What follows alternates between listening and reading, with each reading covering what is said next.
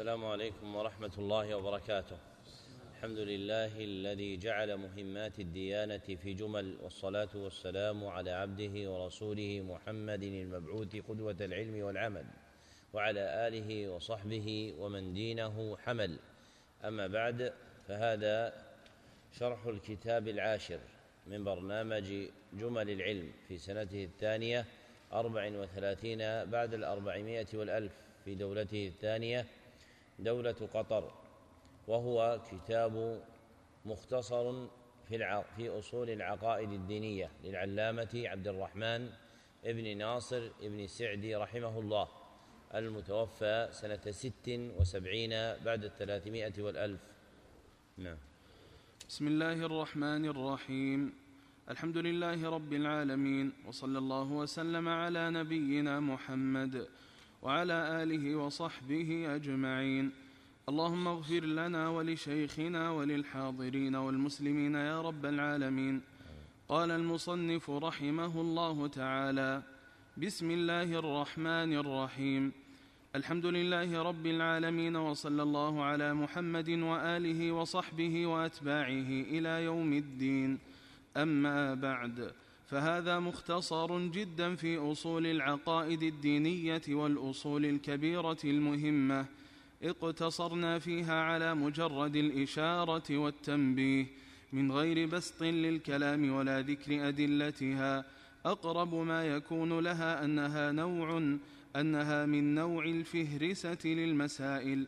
لتعرف أصولها ومقامها ومحلها من الدين. مقام مقامها. ومقامها أحسن الله عليك ومقامها ومقامها ومحلها من الدين. ثم من له رغبة في العلم يطلب بسطها وبراهينها من أماكنها. وإن يسر الله وفسح في الأجل بسطت هذه المطالب ووضحتها بأدلتها. ذكر المصنف رحمه الله تعالى أن هذه الرسالة هي مختصر جدا في أصول العقائد الدينية والأصول اسم للمهمات الكلية وجعله مصنفه على وجه الاختصار لقوله مختصر جدا والمختصر من الكلام ما قل لفظه وجل معناه ومن طوى عليه هذا المصنف الوجيز حقيق بهذا الوصف فهو قليل المباني جليل المعاني.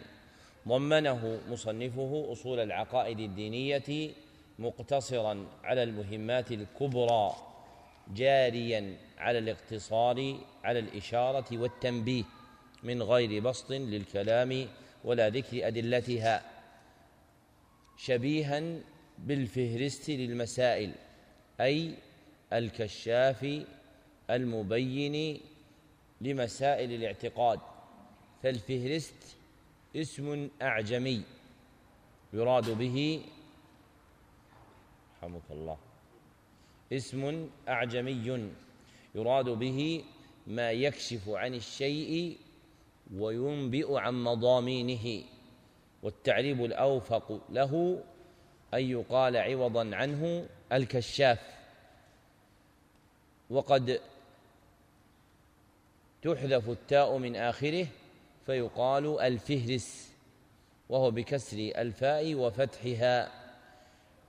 والحامل له على جعله على هذه الصورة هو ما أخبر عنه بقوله لتعرف أصولها ومقامها ومحلها من الدين. ثم من له رغبة في العلم يطلب بسطها وبراهينها من أماكنها أي من الكتب المطولة في علم الاعتقاد.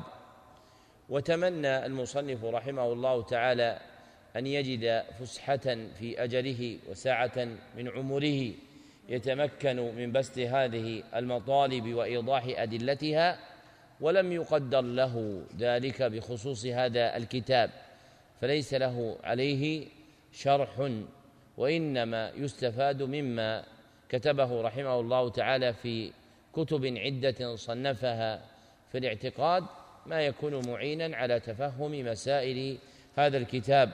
وله رحمه الله تعالى يد طولى في تذليل مسائل الاعتقاد وتبيينها بأسهل عبارة وأوجز بيان.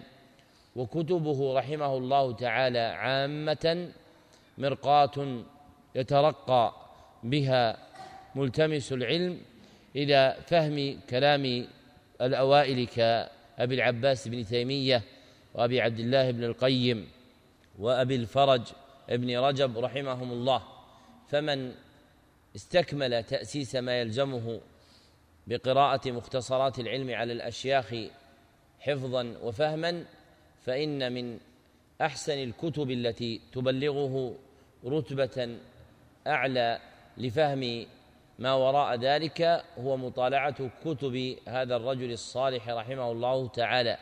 فانه كان صالحا حسن القصد في التعليم. فنفعه الله عز وجل بحسن قصده بما وهبه من جمع الفوائد الكثيرة بالعبارات الوجيزة. ومن خالط كتبه ومازج تأليفه آنس هذا في كلامه رحمه الله تعالى. نعم. الأصل الأول التوحيد. حد التوحيد الجامع لأنواعه هو اعتقاد العبد وإيمانه بتفرد الله بصفات الكمال وإفراده بأنواع العبادة. فدخل في هذا التوحيد فدخل في هذا توحيد الربوبية فدخل في هذا توحيد الربوبية الذي هو اعتقاد انفراد الرب سبحانه بالخلق والرزق وأنواع التدبير.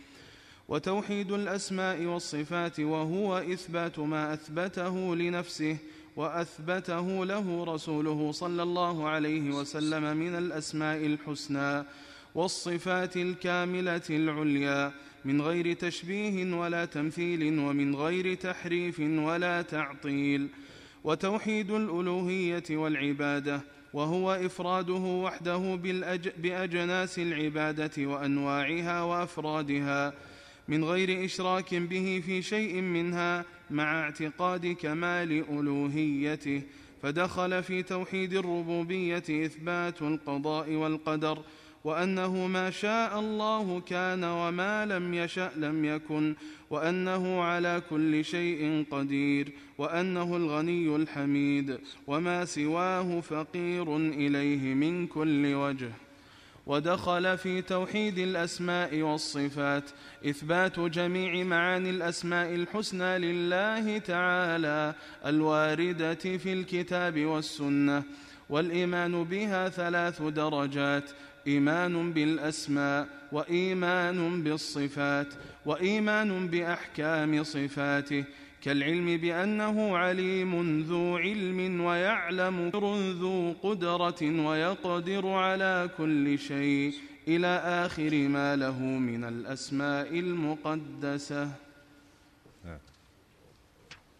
ودخل في ذلك إثبات علوه على خلقه واستوائه على عرشه ونزوله كل ليلة إلى سماء الدنيا.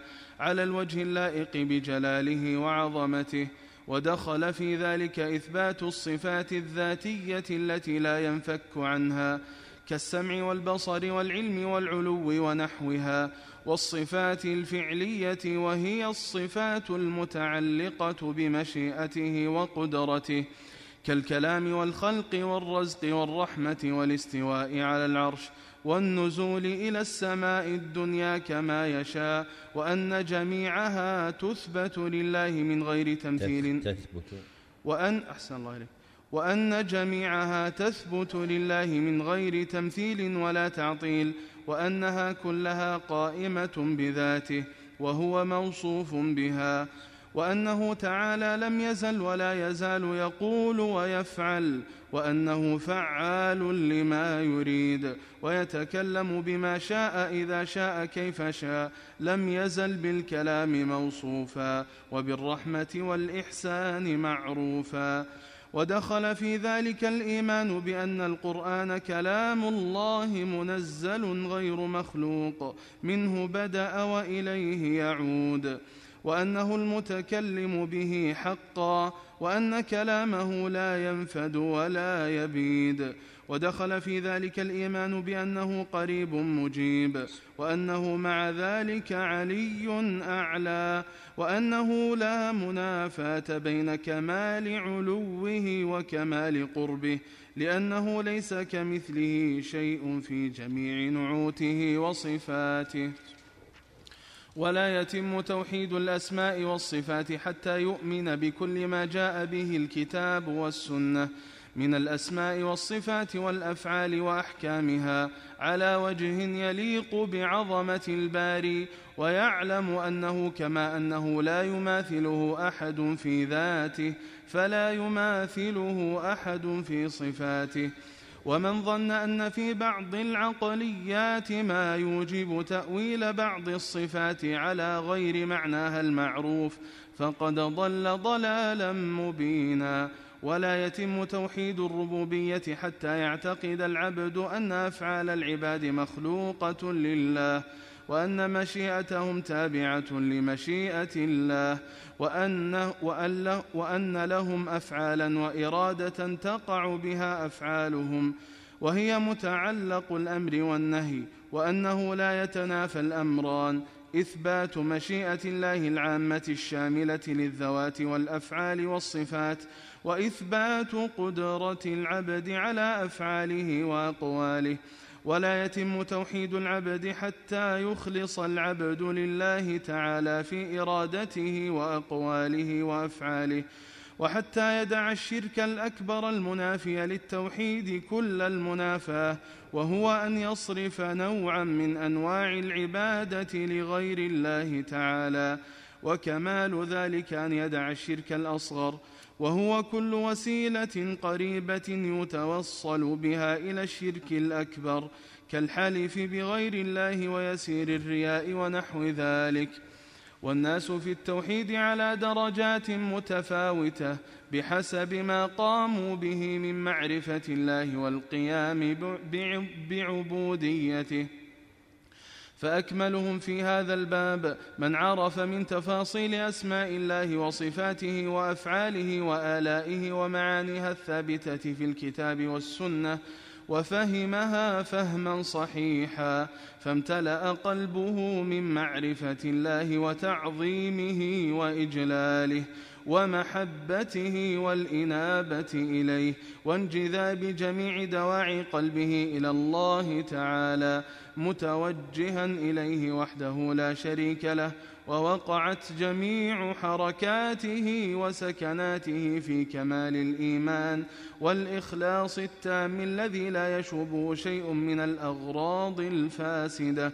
فاطمأن إلى معرفة فاطمأن إلى الله معرفة وإنابة وفعلا وتركا وتكميلا لنفسه وتكميلا لغيره بالدعوة إلى هذا الأصل العظيم. فنسأل الله من فضله وكرمه أن يتفضل علينا بذلك. رتب المصنف رحمه الله تعالى كتابه هذا في خمسة أصول من مهمات أصول الاعتقاد عند أهل السنة والجماعة وابتدأها ببيان التوحيد لجلالة قدره وعظم شأنه فإن المقدم يقدم. وطليعة بيانه التوحيد قوله رحمه الله حد التوحيد الجامع لأنواعه.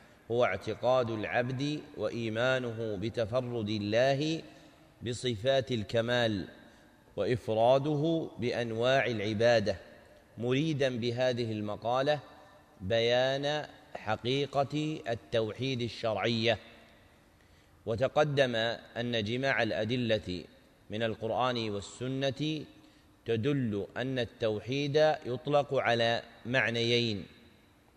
أحدهما عام وهو إفراد الله بحقه وحق الله نوعان حق في المعرفة والإثبات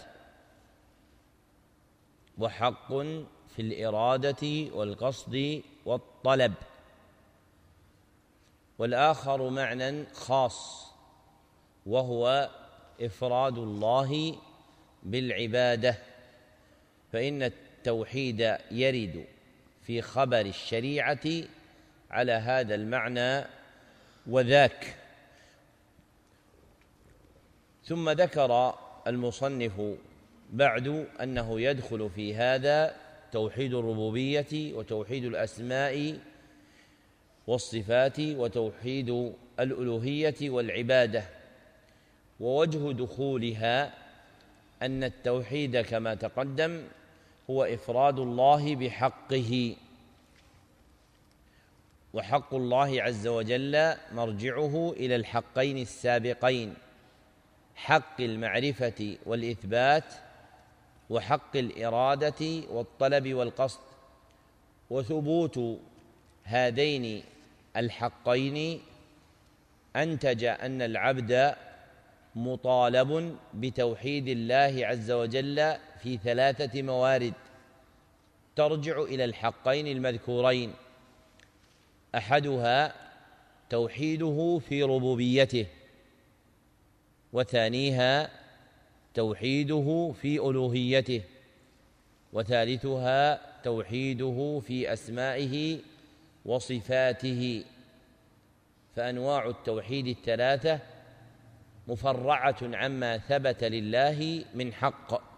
ثم بين المصنف رحمه الله حقيقة كل فقال في توحيد الربوبية هو اعتقاد انفراد الرب سبحانه بالخلق والرزق وأنواع التدبير يعني أفعاله والمذكور منها هو أكثر ما يدور ذكره في القرآن فإن أكثر أفعال الربوبية دورانا في القرآن أربعة أحدها الملك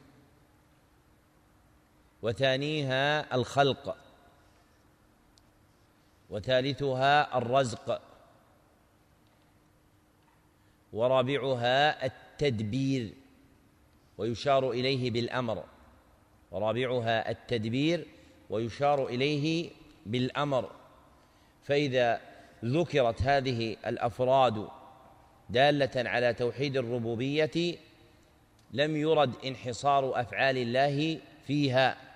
لكن لما كانت هي أكثر في القرآن الكريم ذكرت هذه الأفراد في جملة توحيد الربوبية. ولا يختص توحيد الربوبية بأفراد الله بأفعاله بل لا بد من ضم شيء آخر وهو إفراد الله بذاته في ذاته. فتوحيد الربوبية هو إفراد الله في ذاته وأفعاله. فيعتقد العبد وحدانية الله في الذات والأفعال. وأما توحيد الأسماء والصفات فأشار إليه المصنف بقوله وتوحيد الأسماء والصفات وهو إثبات ما أثبته الله لنفسه وأثبته له رسوله صلى الله عليه وسلم من الأسماء الحسنى والصفات الكاملة. فتوحيد الأسماء والصفات شرعا هو إفراد الله بأسمائه الحسنى وصفاته العلى. وهذا الإفراد يقتضي بناء اعتقاد العبد فيها على أصلين. وهذا الإفراد يقتضي بناء اعتقاد العبد فيها على أصلين. أحدهما إثبات ما أثبته الله لنفسه أو أثبته له رسوله صلى الله عليه وسلم. والآخر تنزيه الله عز وجل عما لا يليق به مما نفاه عن نفسه أو نفاه عنه رسوله صلى الله عليه وسلم. وهذان الأصلان يذكران باسم الإثبات والنفي. وهما في الخطاب الشرعي باسم التحميد والتسبيح. فالتحميد يتضمن إثبات الكمالات والتسبيح يتضمن نفي الآفات. فالتحميد يتضمن إثبات الكمالات. والتسبيح يتضمن نفي الآفات. ثم قال المصنف ذاكرا توحيد الألوهية والعبادة هو إفراد الله وحده بأجناس العبادة وأنواعها وأفرادها. فتوحيد العبادة شرعا هو إفراد الله بالعبادة. ويسمى توحيد الألوهية لما فيه من إفراد الله بالتأليه أي بالحب والخضوع فإن العبد يعظم ربه عز وجل حبا وخضوعا له. وإلى ذلك أشرت بقولي وعبادة الرحمن غاية حبه وخضوع قاصده هما قطبان. فتلخص مما سلف أن توحيد الربوبية شرعا هو إيش؟ هو إفراد الله بذاته وأفعاله وأن توحيد الألوهية شرعا. يا عبد الرحمن. هو إفراد الله بالعبادة وأن توحيد الأسماء والصفات شرعا. أي يوسف. هو إفراد الله بأسمائه الحسنى وصفاته العلى. ثم بين المصنف رحمه الله طرفا مما يندرج في هذه الأنواع الثلاثة من التوحيد ويرجع إليها. فذكر أن توحيد الربوبية فيه إثبات القضاء والقدر. لما في توحيد الربوبية من اعتقاد كمال سلطان الله عز وجل وتمام ملكه فإذا كان ملكه كاملا وحكمه نافذا كان قضاؤه وقدره جاريا فالقدر راجع إلى الإقرار بالربوبية. وأنه ما شاء الله كان وما لم يشأ الله لم يكن. ثم ذكر رحمه الله مما يدخل في توحيد الأسماء والصفات إثبات جميع ما جميع معاني الأسماء الحسنى لله تعالى الواردة في الكتاب والسنة. فالمعول عليه فيما يضاف إلى الله عز وجل من الأسماء والصفات هو الوحي الصادق. لأن الإحاطة بذلك محجوبة عن مدارك الخلق فلا سبيل إلى معرفتها إلا بدليل مرشد عنها والدليل المرشد عنها منحصر في خبر الله عن نفسه أو خبر رسوله صلى الله عليه وسلم عنه. وهذا منشأ قول أهل العلم الأصل في الأسماء والصفات التوقيف أي أنها موقوفة على ورود الدليل فما ورد الدليل به قيل وما لم يرد الدليل به امتنع القول به. قال السفاريني في الدرة لكنها في الحق توقيفية لنا بذا أدلة وفية. وهذا الإيمان المذكور بما جاء في الكتاب والسنة من خبر الله عز وجل عن نفسه.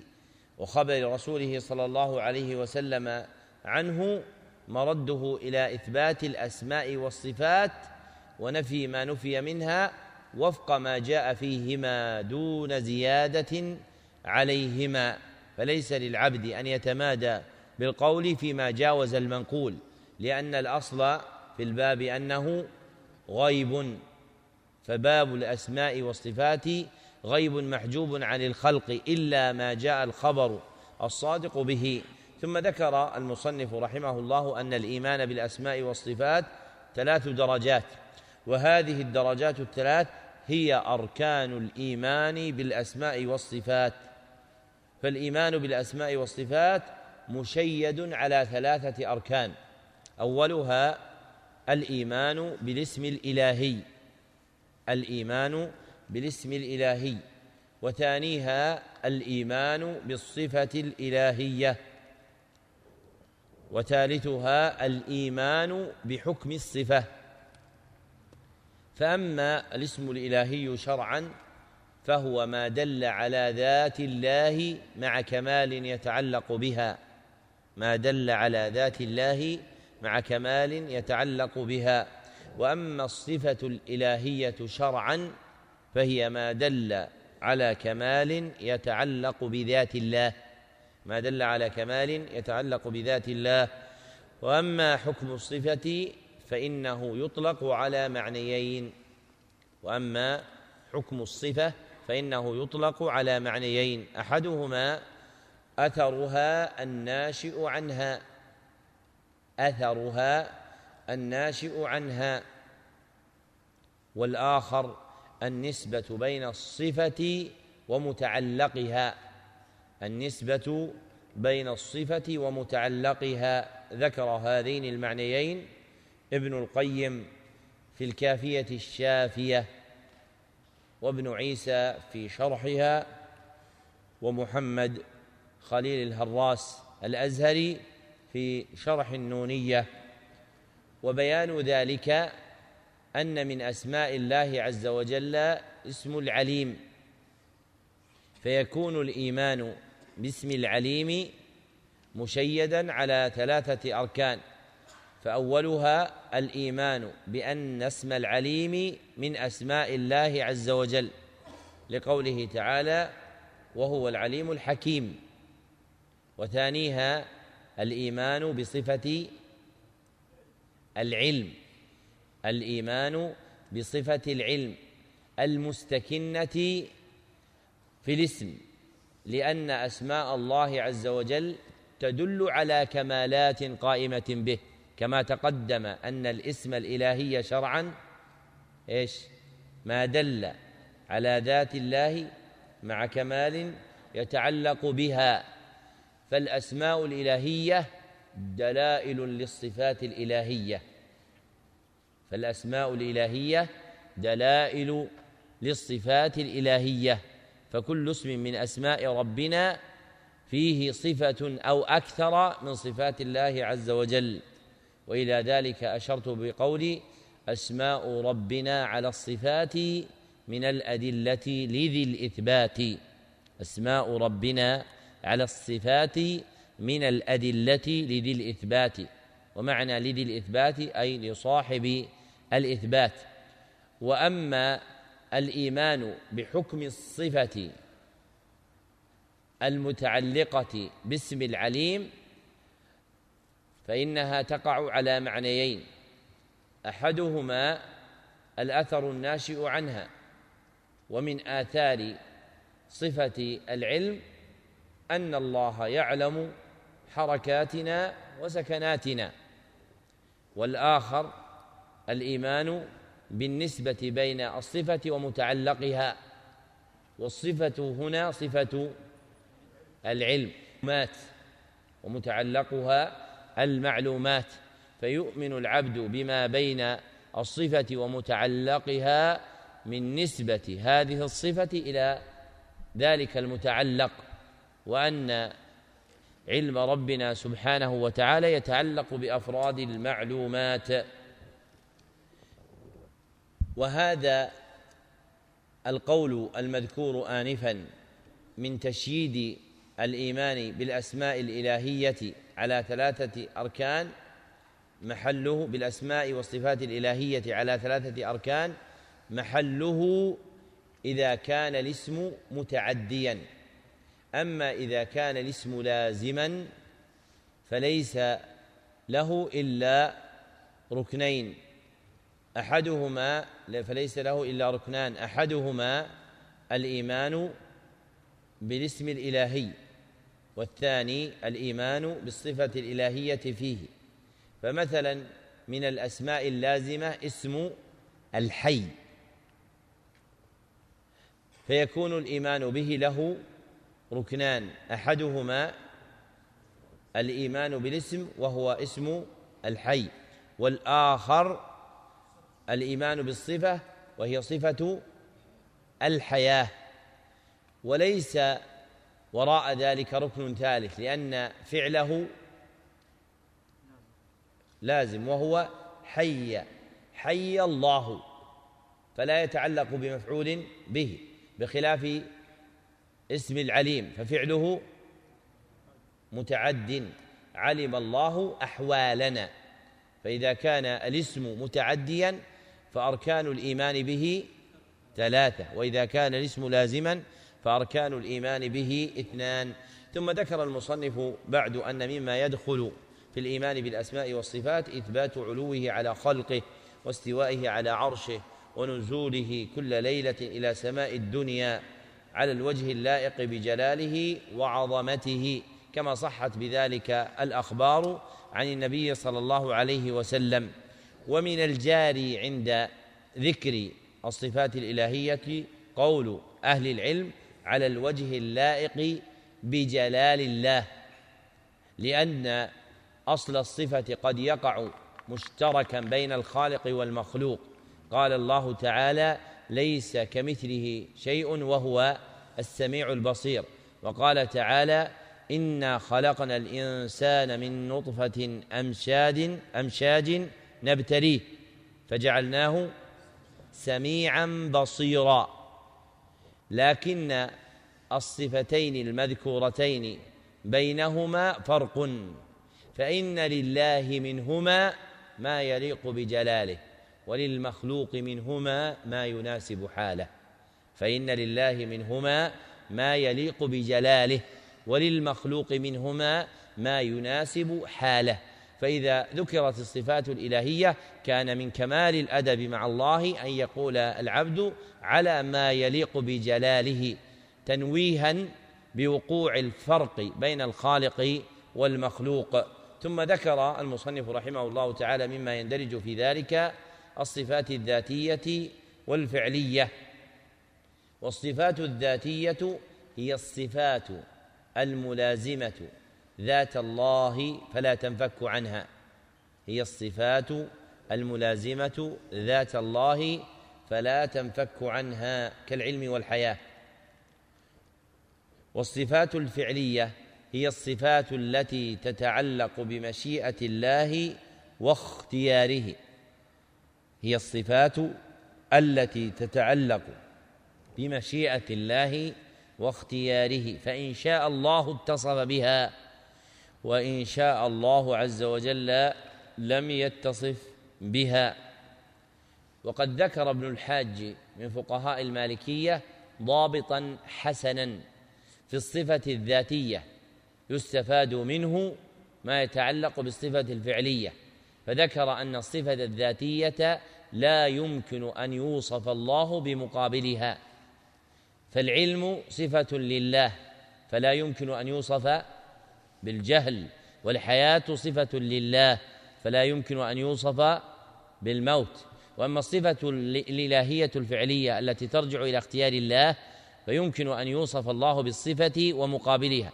فمن صفاته سبحانه وتعالى الغضب فمن صفاته سبحانه وتعالى الغضب ومن صفاته سبحانه وتعالى أيضا صفة الرحمة. وصفة الرحمة تكون ذاتية باعتبار فعلية باعتبار فهي ذاتية باعتبار اتصاف الله بها وفعلية باعتبار ما يتجدد من أفرادها فما يكون من رحمته من رحمته في الآخرة غير ما يكون من رحمته سبحانه وتعالى في الدنيا. ثم ذكر المصنف رحمه الله تعالى أن كل صفات الله قائمة بذاته أي غير بائنة منه ولا منفصلة عنه. فاتصاف الله بالصفات يقتضي أن تكون تابعة للذات لأنها هي الموصوفة بها.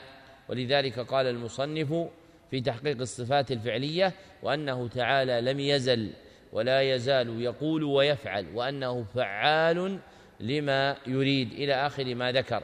ثم ذكر مما يدخل في الإيمان بالأسماء والصفات الإيمان بأن القرآن كلام الله منزل غير مخلوق منه بدأ وإليه يعود وهاتان الجملتان الأخيرتان منه بدأ وإليه يعود يقال في بيانها أما الجملة الأولى وهي منه بدأ فلها ففيها لغتان صحيحتان إحداهما أن الفعل فيها بدأ من البداية فيكون المعنى أن القرآن صدر من الله سبحانه وتعالى وابتدأ به.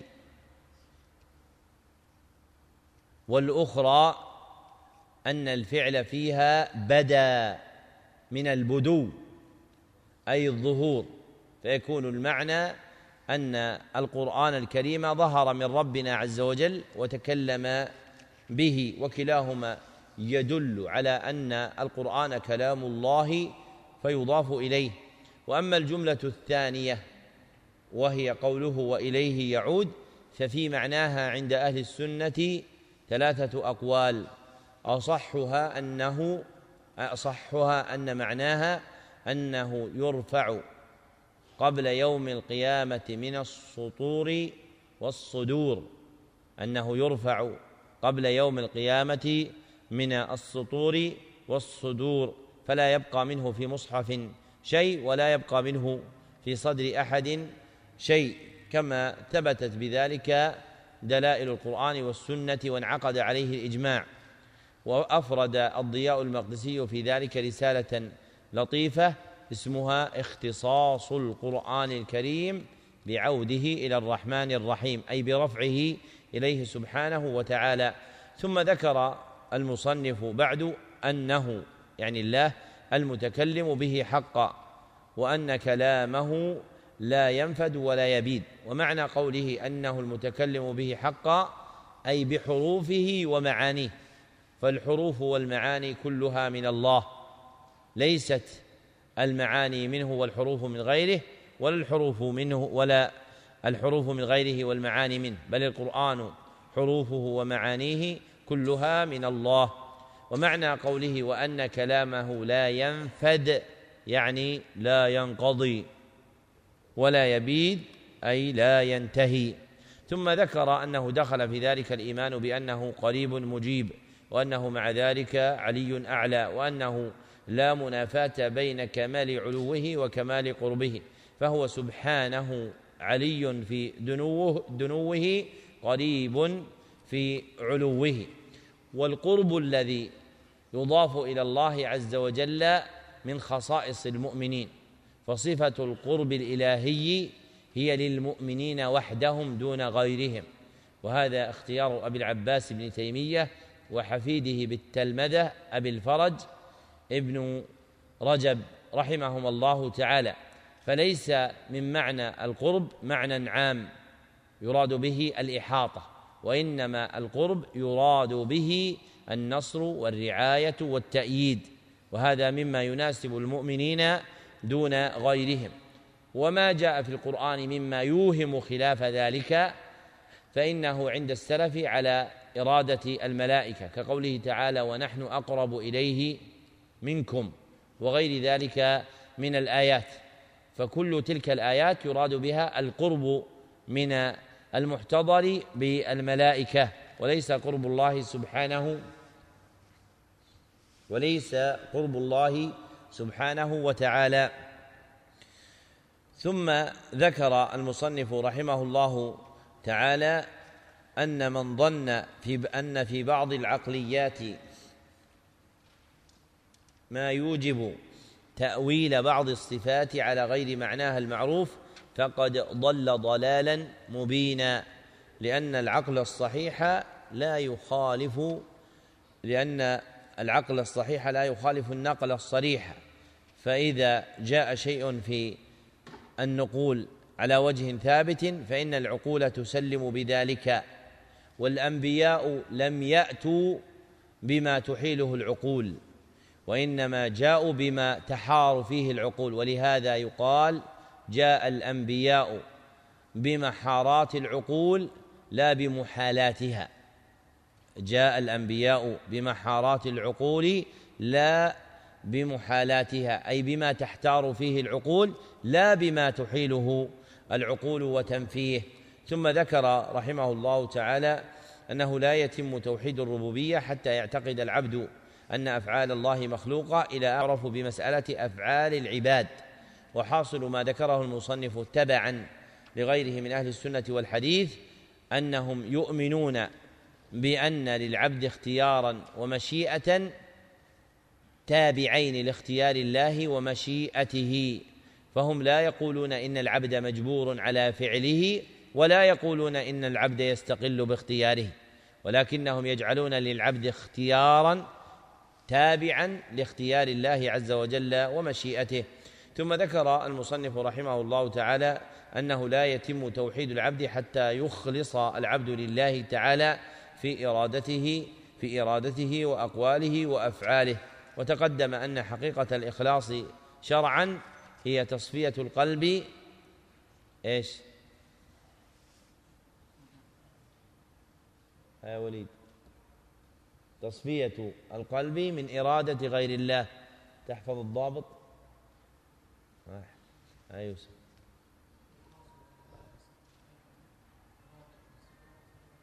أحسنت. وإلى ذلك أشرت بقولي إخلاصنا لله صف القلب من إرادة سواه فاحذر يا فطن. إخلاصنا لله صف القلب من إرادة سواه فاحذر يا فطن. ثم ذكر المصنف رحمه الله ما يترتب على توحيد الإلهية والعبادة من البراءة من الشرك الأكبر والشرك الأصغر وذكر ما يفرق به بينهما. والأكبر والأصغر قسمة للشرك باعتبار قدره فإن الشرك يقسم باعتبارات متعددة منها قسمته باعتبار قدره فالشرك باعتبار قدره نوعان. أحدهما الشرك الأكبر والآخر الشرك الأصغر. وهذه المقالة مقالة ترجع أصولها إلى الوارد في خطاب الشرع ومن جملته ما رواه الحاكم بسند حسن عن شداد بن أوس رضي الله عنه قال كنا نعد الرياء على عهد رسول الله صلى الله عليه وسلم من الشرك الأصغر فقسمة الشرك إلى أصغر وأكبر واردة في خطاب الشرع. وليس من مفترعات المتكلمين بالتوحيد في التوحيد. لكن الجهل بالمنقول في ذلك هو الذي صير بعض الناس يستنكرون مثل هذه المقالات. توهما أنها من مقالات فلان أو فلان. وأهل السنة والحديث لا يدينون لله إلا بما جاء في الكتاب والسنة. ويرون أن من أخبر عن ذلك من أهل العلم إنما يرشدون عن الوارد فيهما. وما افترعوه من شيء لم يكن في الكتاب والسنة فهو مردود عليهم. لكن غلبة الجهل وفشو الشرك وضعف أعلام التوحيد ومعالمه في الناس أوجد في نفوس بعد بعض الخلق ظنونا بأن هذا دين فلان أو دين فلان أو دين فلان. لكن من جرد قلبه من هواه ثم نظر في كتاب الله وسنة رسوله صلى الله عليه وسلم والمأثور عن السلف وجد أن هذه المقالات لا تختص بفلان أو فلان بل هي الدين الذي جاء في خطاب الشرع وهو الذي كان عليه الصحابة والتابعون وأتباعهم رحمهم الله تعالى من القرون الثلاثة الفاضلة وفي كلامهم ما يرشد إليه كالمنقول انفا عن شداد بن أوس في ذكر الشرك الأصغر. وقد ذكر المصنف رحمه الله تعالى ما ينضبط به الشرك الأكبر به الشرك الأكبر والأصغر. فجعل الشرك الأكبر نوع من أنواع العبادة لغير الله وجعل الشرك الأصغر كل وسيلة قريبة يتوصل بها إلى الشرك الأكبر. وأحسن من هذين وأبين أن يقال إن الشرك الأكبر هو جعل شيء من حق الله لغيره يزول معه أصل الإيمان جعل شيء من حق الله لغيره يزول معه أصل الإيمان. وأن الشرك الأصغر هو جعل شيء من حق الله لغيره يزول به كمال الإيمان. يزول به كمال الإيمان. فكلاهما يؤثر في الإيمان لكن الأول يؤثر في الإيمان نقضا والثاني يؤثر في الإيمان نقصا.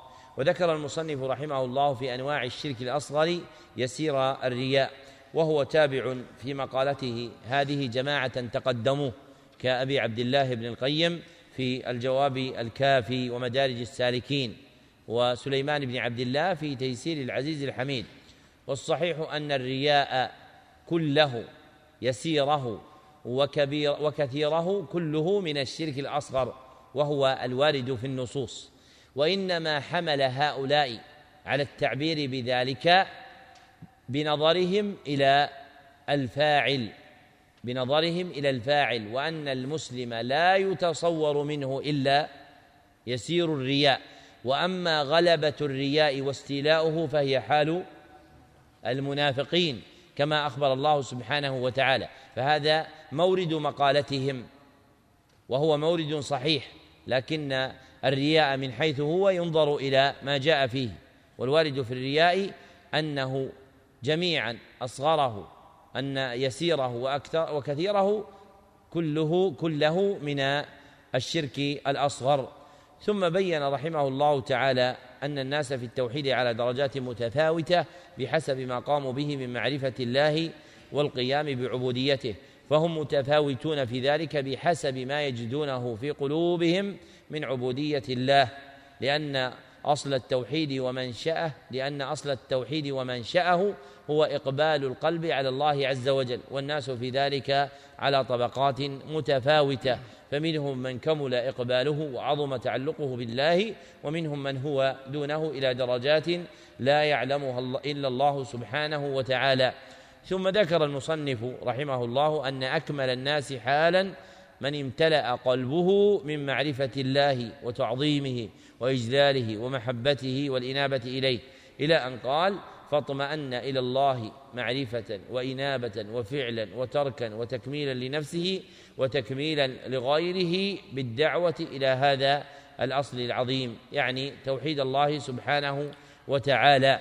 وأعظم الأعمال منفعة للعبد في العاجل والآجل هو توحيد الله عز وجل ولو لم يكن من نفع التوحيد إلا أنه يجرد قلب صاحبه من النظر لغير الله لكان كافيا في إعظامه وإجلاله. لأن نظر القلب إلى غير الله يؤثر فيه رقا لسوى الرب سبحانه وتعالى. وإذا سرى الرق إلى قلب العبد صار ذليلا لغيره. وإذا غفل العبد عن هذا ربما استولى عن قلبه فأبعده عن عبودية الله سبحانه وتعالى. كما قال ابن القيم هربوا من الرق الذي خلقوا له فبلوا برق النفس والشيطان. هربوا من الرق الذي خلقوا له فبلوا برق النفس والشيطان. فإذا فرغ قلب العبد من التذ... من الخضوع لله سبحانه وتعالى صار فيه رق لغير الله عز وجل. فيكون مقيدا لهواه مأسورا بشهوته دليلا لشيطانه. نعم. الأصل الثاني الإيمان بنبوة جميع الأنبياء عموما ونبوة محمد صلى الله عليه وسلم خصوصا. وهذا الأصل معناه على أن يعتقد ويؤمن بأن جميع الأنبياء قد اختصهم الله بوحيه وإرساله وجعلهم وسائط بينه وبين خلقه في تبليغ شرعه ودينه وأن الله أيدهم بالبراهين الدالة على صدقهم وصحة ما جاءوا به وأنهم أكمل الخلق علما وعملا وأصدقهم وأبرهم وأكملهم أخلاقا وأعمالا. وأن الله خصهم بخصائص وفضائل لا يلحقهم فيها أحد وأن الله برأهم من كل خلق رذيل وأنهم معصومون فيما يبلغون عن الله تعالى وأنه لا يستقر في خبرهم وتبليغهم إلا الحق والصواب.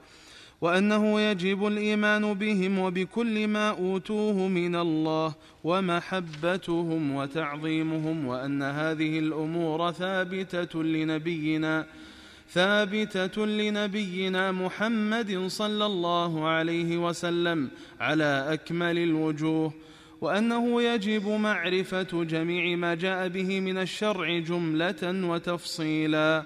والإيمان بذلك والتزام طاعته في كل شيء بتصديق خبره وامتثال أمره واجتناب نهيه. ومن ذلك أنه خاتم النبيين. قد نسخت شريعته جميع الشرائع وأن نبوته وشريعته باقية إلى قيام الساعة فلا نبي بعده. ولا شريعة غير شريعته في أصول الدين وفروعه.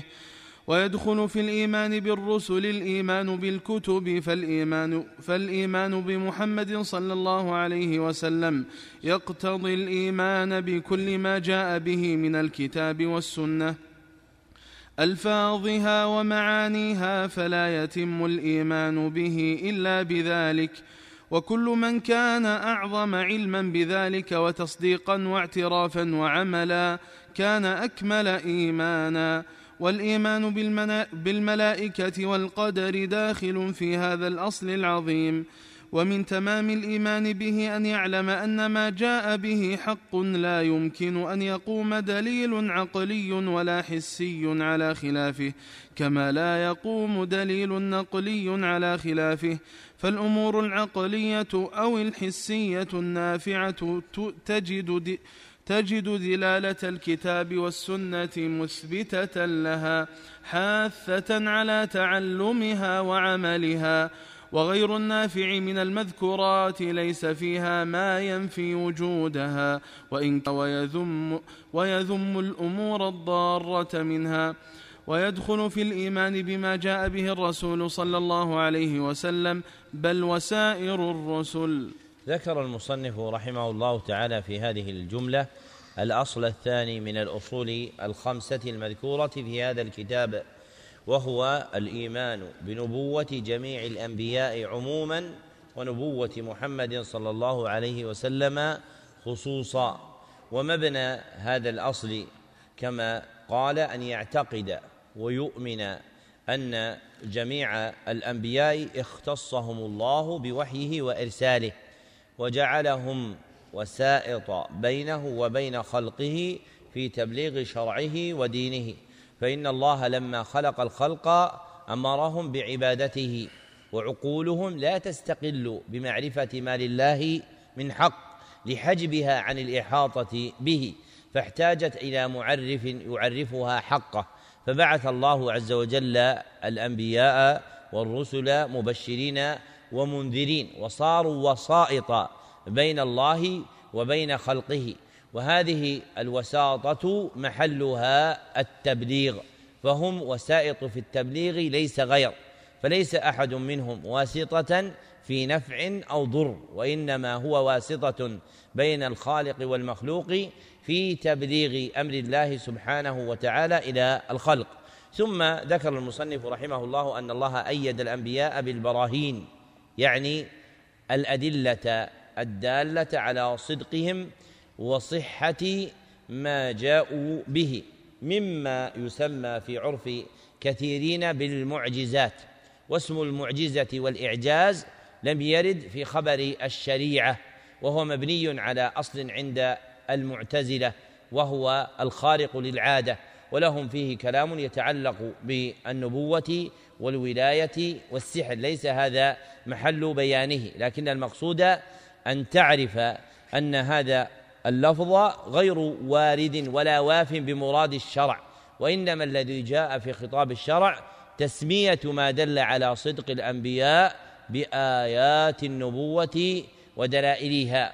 وعلى هذا الاسم صنف الأوائل من أهل العلم كمحمد بن جعفر الطبري آه، محمد جعفر الفريابي وأبي نعيم الأصبهاني وأبي بكر البيهقي رحمهم الله تعالى. ودلائل النبوة عندهم شرعا هي الآيات العظيمة الدالة على صدق الأنبياء. هي الآيات العظيمة الدالة على صدق الأنبياء. ولما وعى هذا الصحابة أخبروا عن النبي صلى الله عليه وسلم بالصادق والمصدوق ولم يخبروا عنه بالمعجز صلى الله عليه وسلم لأن المقصود من تأييده بالأدلة هو بيان صدقه صلى الله عليه وسلم. ثم ذكر رحمه الله تعالى أنهم أكمل الخلق علما وعملا وأصدقهم وأبرهم إلى آخر ما قال فهم أكمل الناس حالا وأتمهم إيمانا. ثم ذكر أنهم معصومون فيما يبلغون عن الله تعالى وأنه لا يستقر في خبرهم وتبليغهم إلا الحق والصواب. ولفظ العصمة أجنبي عن الكتاب والسنة بهذا المعنى والوارد فيهما إنما يراد به المعنى اللغوي كقوله تعالى والله يعصمك من الناس فالمراد بذلك أن الله يحفظك من السوء الذي يريد الناس أن يلحقوه بك. أما العصمة الذي التي تطلق على إرادة الحفظ من مواقعة الكبائر والصغائر ووقوع الخطأ في البلاغ فإنها ليست في الكتاب والسنة كما بسطه أبو العباس ابن تيمية في كتاب النبوات. وإنما المذكور في الكتاب والسنة هو الصدق. فالأنبياء موصوفون بالصدق وهو كاف في الدلالة على أنهم محفوظون. من الخطأ في البلاغ عن الله سبحانه وتعالى. ثم ذكر أنه يجب الإيمان بهم وبكل ما أوتوه من الله ويجب على العبد محبتهم وتعظيمهم وأن هذه الأمور ثابتة لنبينا محمد صلى الله عليه وسلم على أكمل الوجوه. ثم ذكر أنه يجب معرفة جميع ما جاء به من الشرع جملة وتفصيلا إلى آخر ما ذكر. ومعرفة ما جاء به النبي صلى الله عليه وسلم من الدين نوعان. ومعرفة ما جاء به النبي صلى الله عليه وسلم من الدين نوعان. أحدهما المعرفة الإجمالية والآخر المعرفة التفصيلية. والمراد بالمعرفة الإجمالية معرفة ما لا يصح دين العبد إلا به. معرفة ما لا يصح إلا دين العبد إلا به. وهذا قدر واجب على كل أحد وهذا قدر واجب على كل أحد. وإلى ذلك أشرت بقولي في بعض نظمي وبعد فالتوحيد علم ينبل على العلوم كلها ويفضل. قد أوجب الرحمن منه قدرا ليس يصح الدين حتى يدرى فهذه المعرفة يشترك فيها جميع الخلق. وأما المعرفة التفصيلية فلا حد لها. فالعلم بتفاصيل ما جاء به النبي صلى الله عليه وسلم لا ينتهي إلى قدر وما يجب منها يختلف باختلاف أحوال الخلق فالواجب على الحاكم والقاضي والعالم والمفتي والمعلم غير الواجب على سواهم من احاد الناس فكل ما اشتد أمر العبد في مقامه في الولاية الدنيوية أو الدينية عظم الواجب عليه من المعرفة بتفاصيل ما جاء به النبي صلى الله عليه وسلم. ثم ذكر أن من الإيمان بالنبي صلى الله عليه وسلم الإيمان بأنه خاتم النبيين. وهذه الجملة خاتم النبيين تجيء على لغتين. الأولى خاتم. بكسر التاء على أنه اسم فاعل يعني آخر الأنبياء. والآخر خاتم بفتح التاء اسم آلة بمعنى الطابع الذي الطابع بمعنى الطابع الذي طبع به على الأنبياء فلا يأتي أحد بعده. بمعنى الطابع الذي طبع به على الأنبياء فلا يأتي أحد بعده. ثم ذكر أن شريعته صلى الله عليه وسلم نسخت جميع الشرائع وأن نبوته وشريعته باقية إلى قيام الساعة. ثم قال ويدخل في الإيمان بالرسل الإيمان بالكتب لأن الكتب تنزل على الأنبياء والرسل ولا تنزل على غيرهم فلا ينزل كتاب إلهي إلا على إلا على رسول أو نبي ولهذا صار الإيمان بالكتب تابعا للإيمان بالرسل. ثم قال فالإيمان بمحمد صلى الله عليه وسلم يقتضي الإيمان بكل ما جاء به من الكتاب والسنة ألفاظها ومعانيها فلا يتم الإيمان إلا بذلك. فلا يصير العبد مؤمنا حتى يؤمن بجميع ما في الكتاب والسنة لا ينكر من ذلك شيئا لأن الكتاب والسنة كلاهما وحي من الله عز وجل. فإن القرآن وحي والسنة وحي وقال الله عز وجل في بيان أن السنة وحي وما ينطق عن الهوى إن هو إلا وحي يوحى. وإلى ذلك أشار شيخ شيوخنا حافظ الحكمي بقوله فسنة النبي وحي ثاني عليهما قد أطلق الوحيان. فسنة النبي وحي ثاني عليهما قد أطلق الوحيان.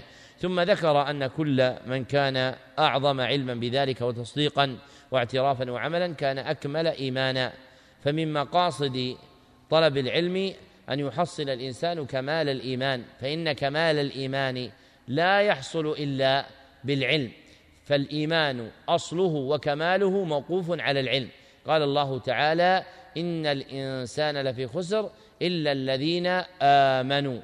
وقوله إلا الذين آمنوا دليل على توقف الإيمان على العلم في أصله وكماله. فلا يمكن أن يحصل للعبد أصل الإيمان إلا بعلم أي بإقرار بالله وبرسوله صلى الله عليه وسلم. ثم لا يتزايد هذا الإيمان فيكون كاملا إلا بعلم.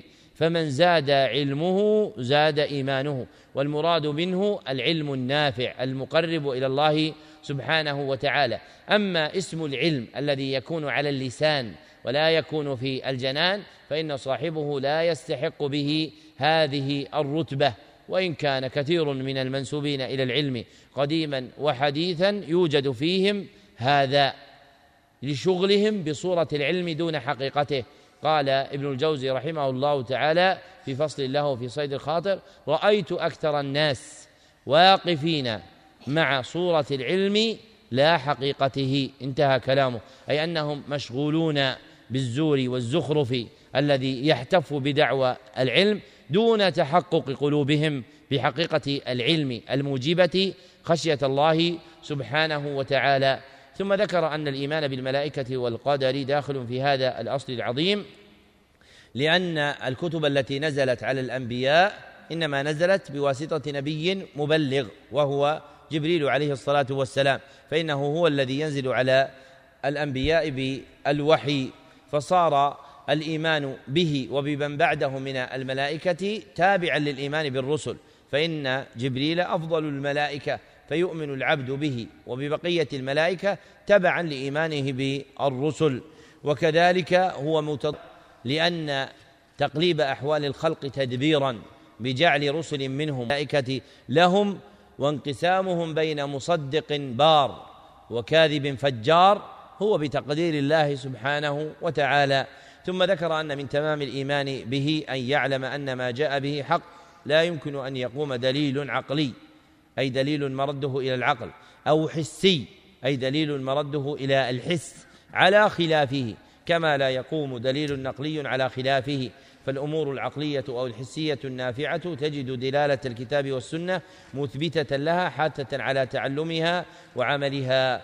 فكل ما يحتاج إليه فكل ما يحتاج الناس إليه في أمور دينهم ودنياهم فالقرآن والسنة تتضمن ذلك وتحث عليه. ولا تجد في القرآن والسنة ما يخالف دلائل العقل والحس لأن الخطاب الشرعي وقع على ما يوافق العقول الصحيحة والحس المقطوع به وما توهمه أحد من وجود مصادمة بين عقل ونقل أو بين نقل وحس فإنها دعوة مكذوبة لا حقيقة لها. فمهما زور الإنسان في نفسه شيئا يتوهم عقلا أو حسا دل عليه فإنه كاذب في دعواه لأن الذي قدر العقل والحس هو الذي أنزل النقل. فلا يمكن أن يكون ما يستولي عليه العبد من عقل أو يحيط به من حس مخالفا لما نزل من خالقهما وهو الله سبحانه وتعالى. ثم ذكر أن غير النافع من المذكورات جاء الشرع بالنهي عنه وذمه. فكل شيء نافع فأصله في القرآن والسنة وكل شيء مرذول فقد جاء النهي عنه في الكتاب والسنة.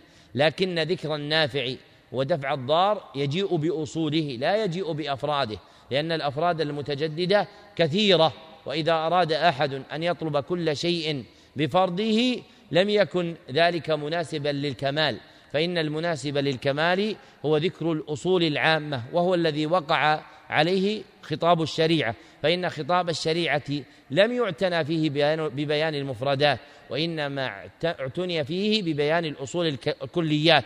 فما تجدد للناس اليوم في أحوالهم السياسية أو الاقتصادية أو الثقافية أو الأخلاقية أو الاجتماعية دلائله وبراهينه فيما ينفع منه هي في الكتاب والسنة.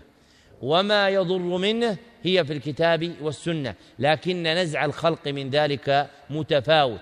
والسر في تفاوت الخلق في نزعه لأن عامة المسلمين اليوم حتى من المنسوبين إلى العلم يقل إقبالهم على القرآن الكريم والسنة النبوية بما حال بينهم وبين ذلك من العلوم التي أريد أن تكون موصلة إليهما فصارت حاجبة عنهما.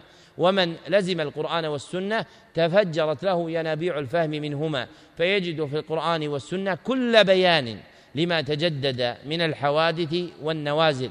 وضيق النظر فيهما هو الذي أنشأ في المسلمين أقواما يريدون الفزع إلى المنظمات الدولية في مواثيقها وأنظمتها طلبا لما يصلح تصلح به حال الناس من المسلمين في سياسة أو اجتماع أو ثقافة أو غير ذلك. فليس منشأ ذلك ضيق القرآن والسنة عن الوفاء به وإنما ضيق علم الخلق بهما. ومن أراد أن يكون له حظ من الفهم في القرآن والسنة فإنه ينبغي له أن يعتني بتأصيل نفسه في الآلات المعينة على فهمهما فإذا قيض له ذلك أقبل عليهما ليلا نهارا. قال عبد الله بن وهب المصري سألت جارية سألت أخت مالك عن نزع مالك من عن نزع مالك من القرآن. يعني استغربت من نزعه أن يستدل بأدلة في القرآن على مسائل.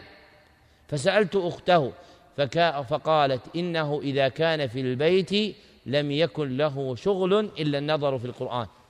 يعني إذا دخل البيت ليس له هم إلا قراءة القرآن الكريم. فمثل هذا يستنبط من القرآن الكريم. والناس اليوم يتكلمون في مسائل متعددة كالانتخابات أو المظاهرات أو العلاقات الدولية ثم لا يخرجونها على دلائل القرآن والسنة وإنما تجد اعتقادا سابقا بالقبول أو الرفض ثم لين لأعلاق النصوص فيما يوافق هذا أو يوافق ذاك مع القطع بأن بيان القرآن والسنة كاف في بيان ما يحتاج إليه الناس لكن ضعف المغلوب وانبهاره بالغالب صير الناس يلتمسون شفاء الأدواء التي فيهم في أبواب السياسة والثقافة والفكر والعلم والأخلاق إلى شيء يذكر في المواثيق والمنظمات الدولية. وإذا راج هذا على أحد الناس فلا ينبغي أن يرج على طالب العلم. فإن الله عز وجل قد اختار لنا كتابا عظيما. وقد اصطفى لنا نبيا كريما. فمن كمال الإيمان بالله عز وجل وبكتابه وبرسوله صلى الله عليه وسلم أن يكون عند صاحب العلم نبعين ثرين. لا تنتهي معارفهما ولا تنقضي أحكامهما. ومتى وجد هذا الإيمان في القلب فتح الله عز وجل للعبد المعارف منهما. أما إذا ضعف هذا الإيمان انقطع العبد عن فهم مداركهما. ولما سئل العلامة عبد الرحمن الدوسري رحمه الله تعالى عن آلة المفسر قال أولها الفرح بالقرآن. يعني أن يكون الإنسان راغبا في القرآن محبا له مقبلا عليه. وكذا القول في الانتفاع بسنة النبي صلى الله عليه وسلم فإذا كان الإنسان فرحا بها راغبا فيها مقبلا عليها فتح الله له أبواب الفهم. نسأل الله سبحانه وتعالى أن يفتح علينا وعليكم بفتوح العارفين في المعارف والعلوم. نعم. الأصل الثالث الإيمان باليوم الآخر فكل ما جاء به الكتاب والسنة مما يكون بعد الموت فإنه من الإيمان باليوم الآخر كأحوال البرزخ وأحوال يوم القيامة وما فيها من الحساب والثواب والعقاب. والشفاعة والميزان والصحف المأخوذة باليمين والشمال والصراط وأحوال الجنة والنار وأحوال أهلها وأنواع ما أعد الله فيها لأهلها اجمالا وتفصيلا. فكل ذلك داخل في الإيمان باليوم الآخر.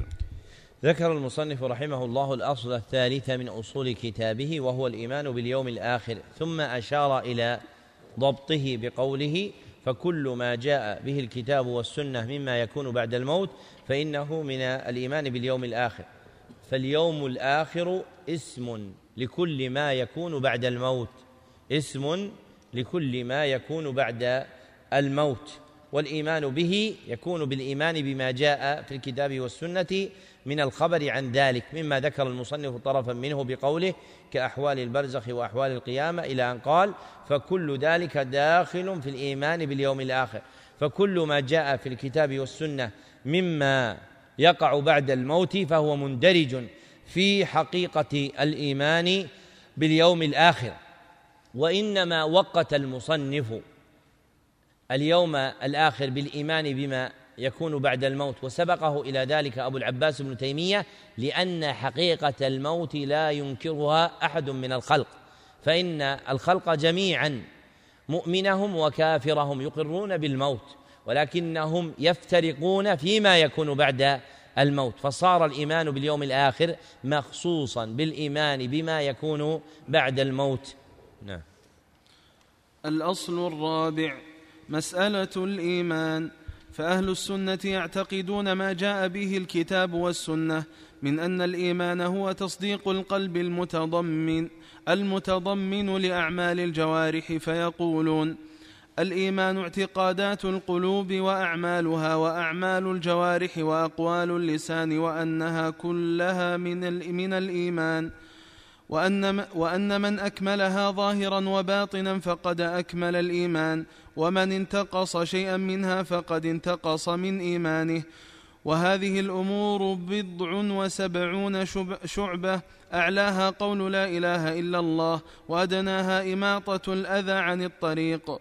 والحياء شعبة من الإيمان. ويرتبون على هذا الأصل أن الناس في الإيمان درجات مقربون وأصحاب يمين وظالمون لأنفسهم بحسب مقاماتهم من الدين والإيمان. وأنه يزيد وينقص فمن فعل محرما أو ترك واجبا نقص إيمانه الواجب. ما لم يتب إلى الله. ويرتبون على هذا الأصل أن الناس ثلاثة أقسام. منهم من قام بحقوق الإيمان كلها فهو المؤمن حقا. ومنهم من تركها كلها فهذا كافر بالله تعالى.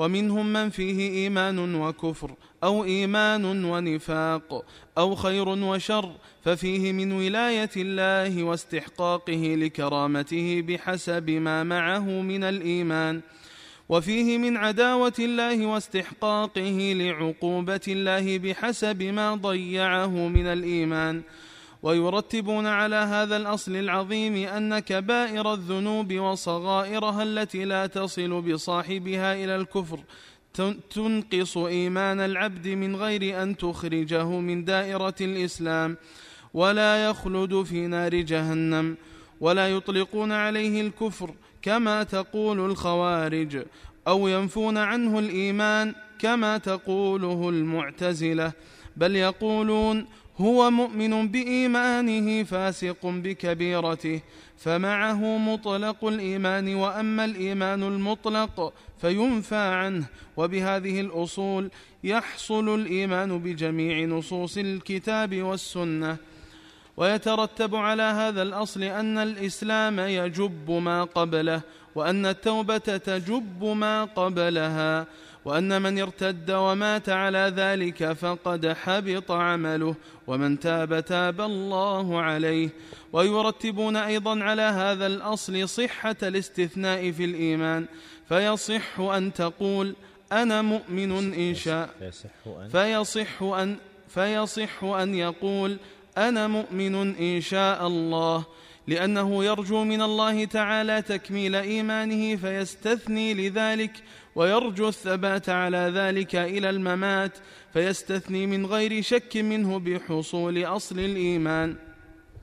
ويرتبون أيضا على هذا الأصل أن الحب والبغض أصله ومقداره تابع للإيمان وجودا وعدما وتكميلا ونقصا.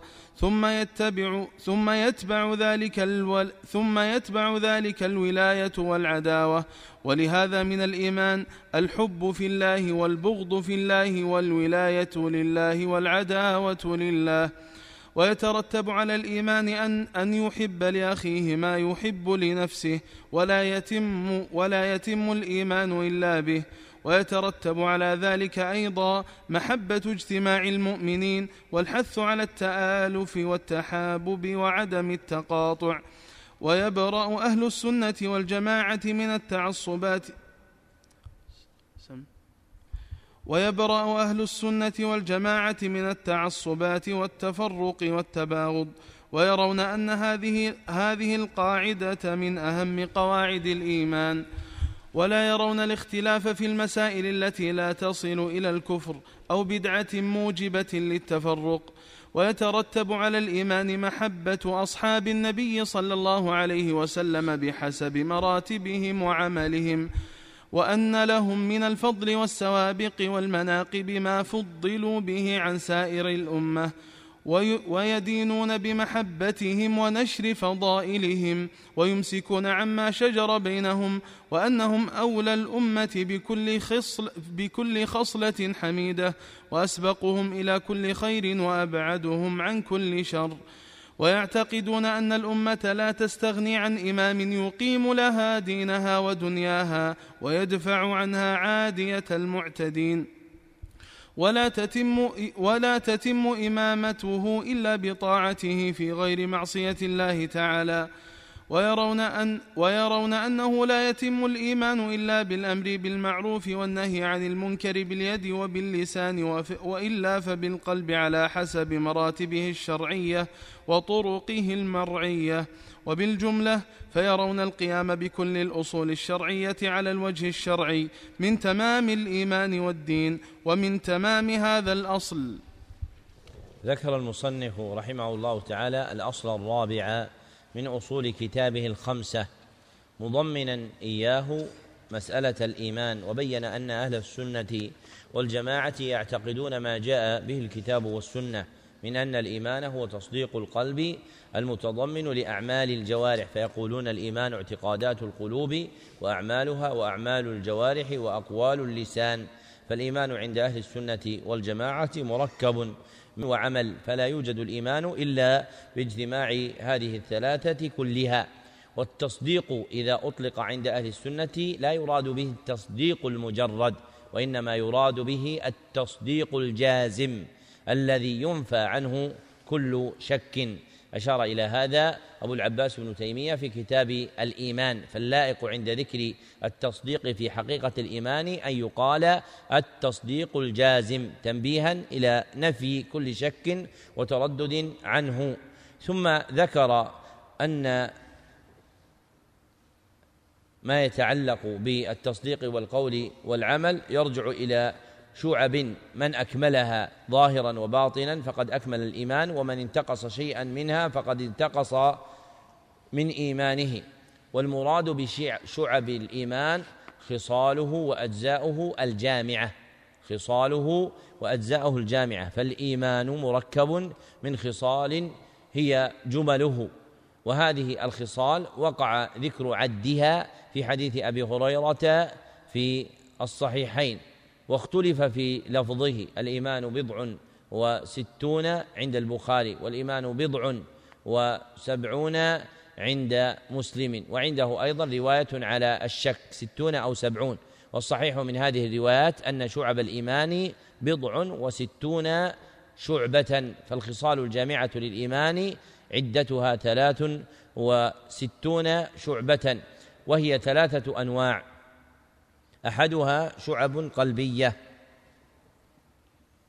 والآخر شعب وثانيها شعب لسانية وثالثها شعب عملية.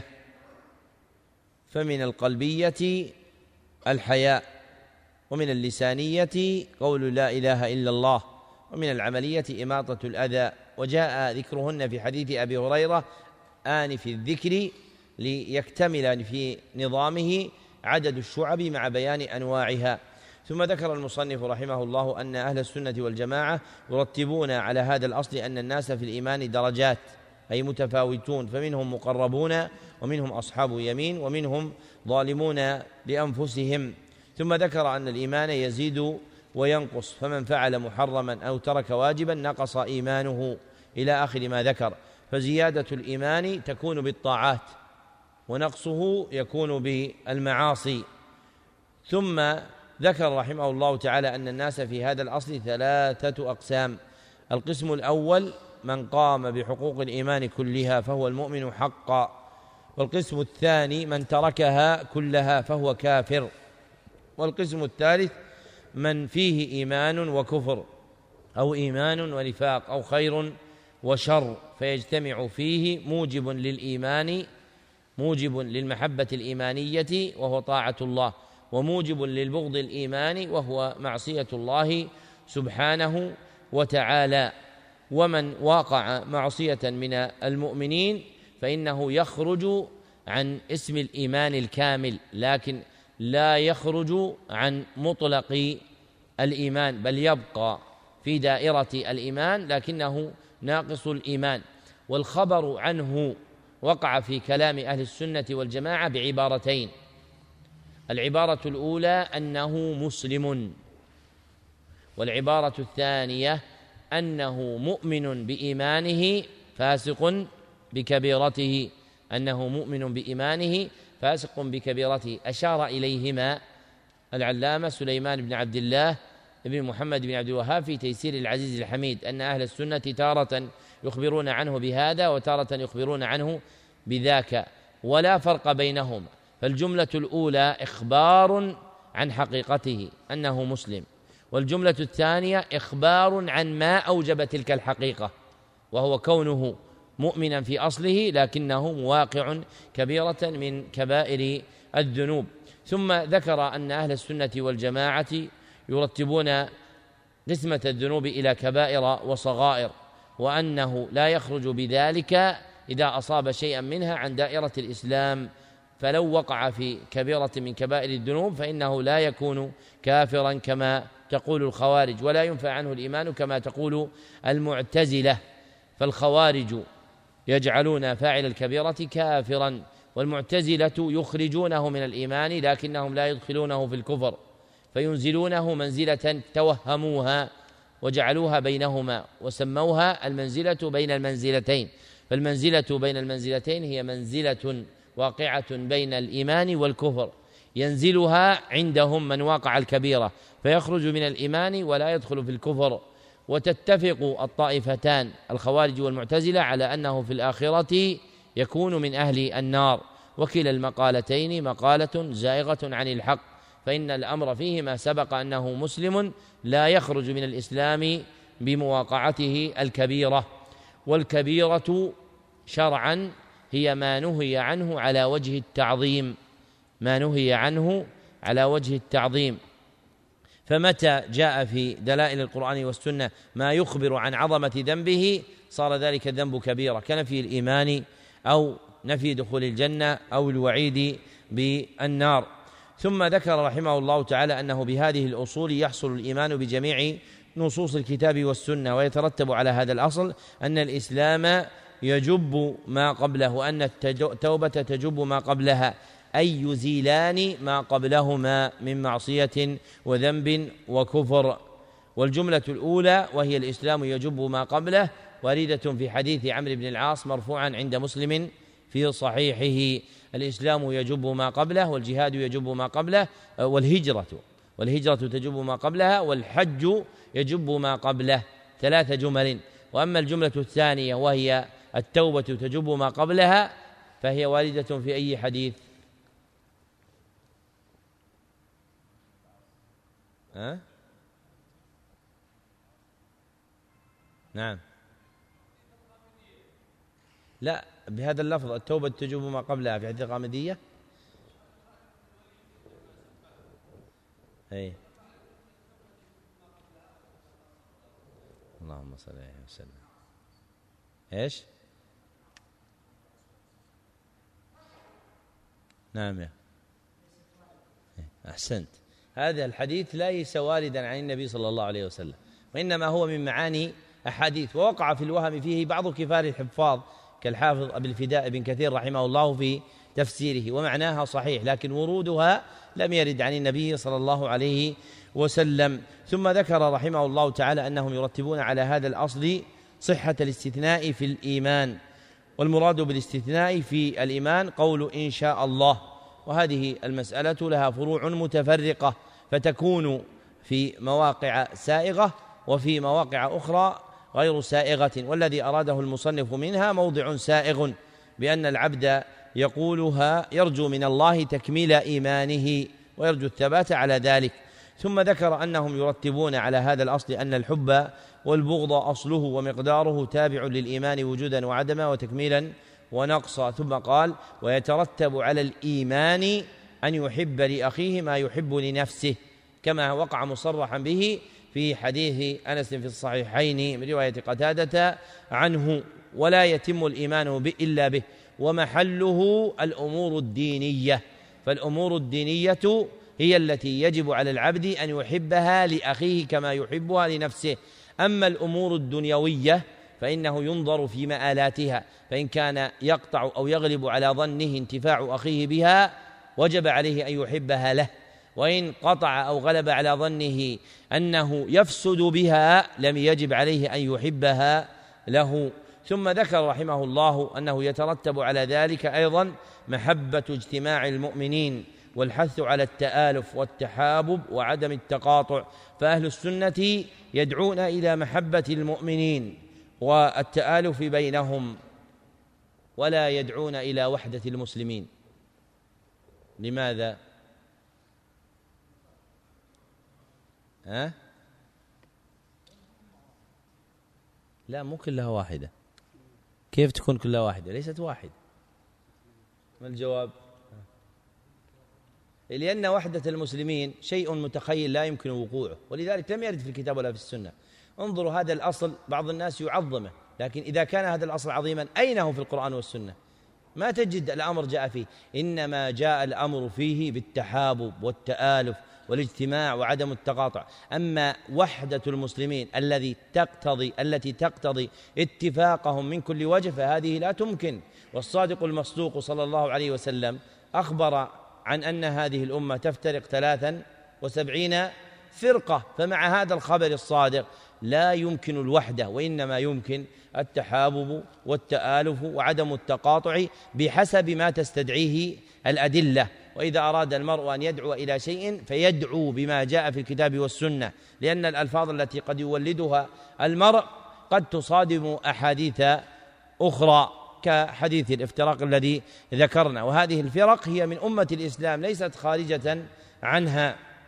قال السفاريني رحمه الله تعالى في درته اعلم هديت أنه جاء الخبر عن النبي المصطفى خير البشر بأن ذي الأمة سوف تفترق بضعا وسبعين اعتقادا والمحق ما كان في نهج النبي المصطفى وصحبه من غير زيغ أو جفاء وليس هذا الوصف جزما يعتبر في فرقة إلا على أهل الأثر أي السائرين على أثر النبي صلى الله عليه وسلم.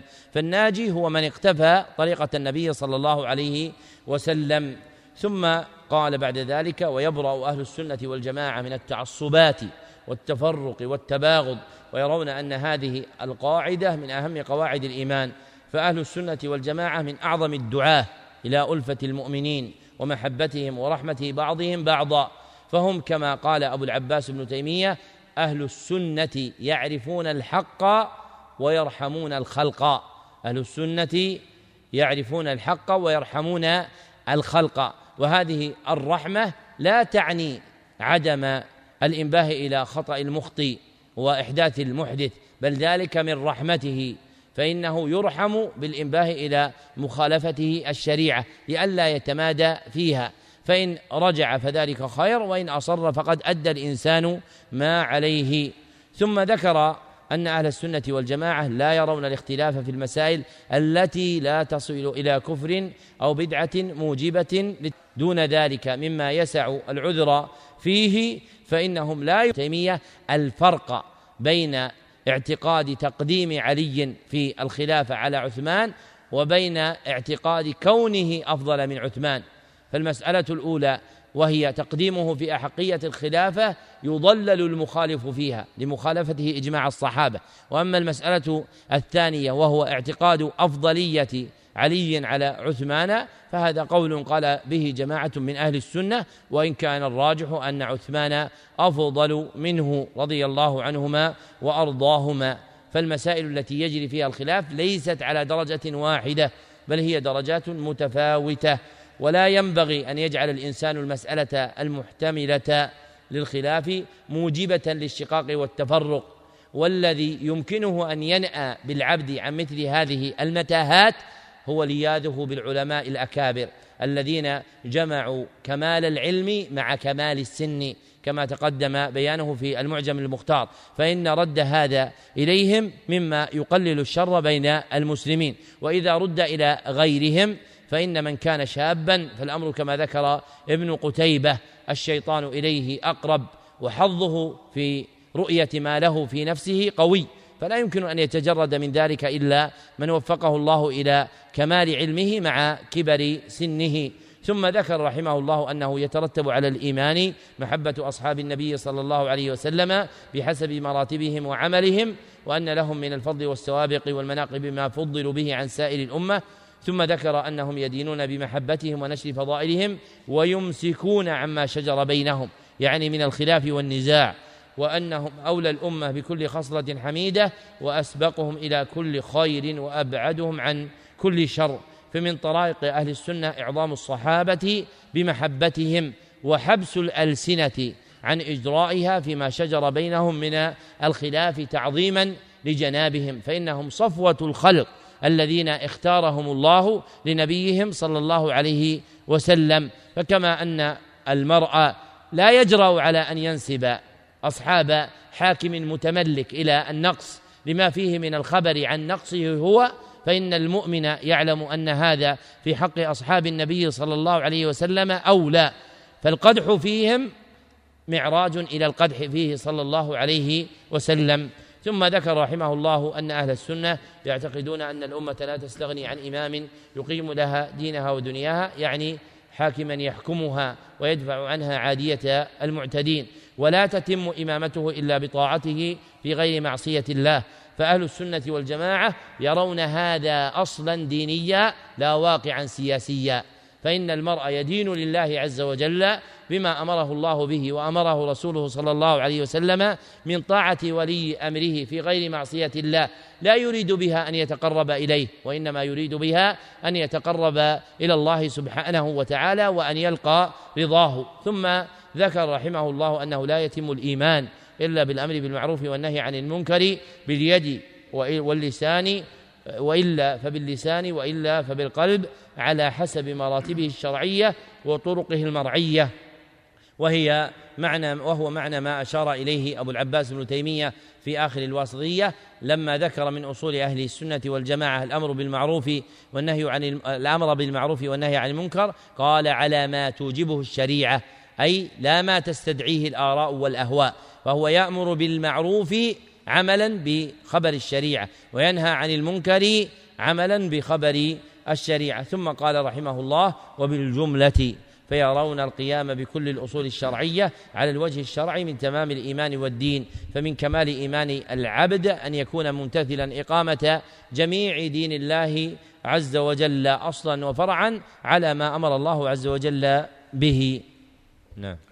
ومن تمام هذا الأصل الأصل الخامس طريقهم في العلم والعمل وذلك أن أهل السنة والجماعة يعتقدون ويلتزمون أن طريق أن ألا طريق إلى الله ولا إلى كرامته إلا بالعلم النافع والعمل الصالح. فالعلم النافع هو ما جاء به الرسول صلى الله عليه وسلم من كتاب الله وسنة رسوله صلى الله عليه وسلم. فيجتهدون في معرفة معانيها والتفقه فيها أصولا وفروعا. ويسلكون جميع طرق الدلالات فيها دلالة, دلالة المطابقة ودلالة التضمن ودلالة الالتزام. ويبذلون قواهم في, في إدراك ذلك بحسب ما أعطاهم الله. ويعتقدون أن هذه هي العلوم النافعة وكذلك ما تفرع عنها من أقيسة صحيحة ومناسبات حكيمة.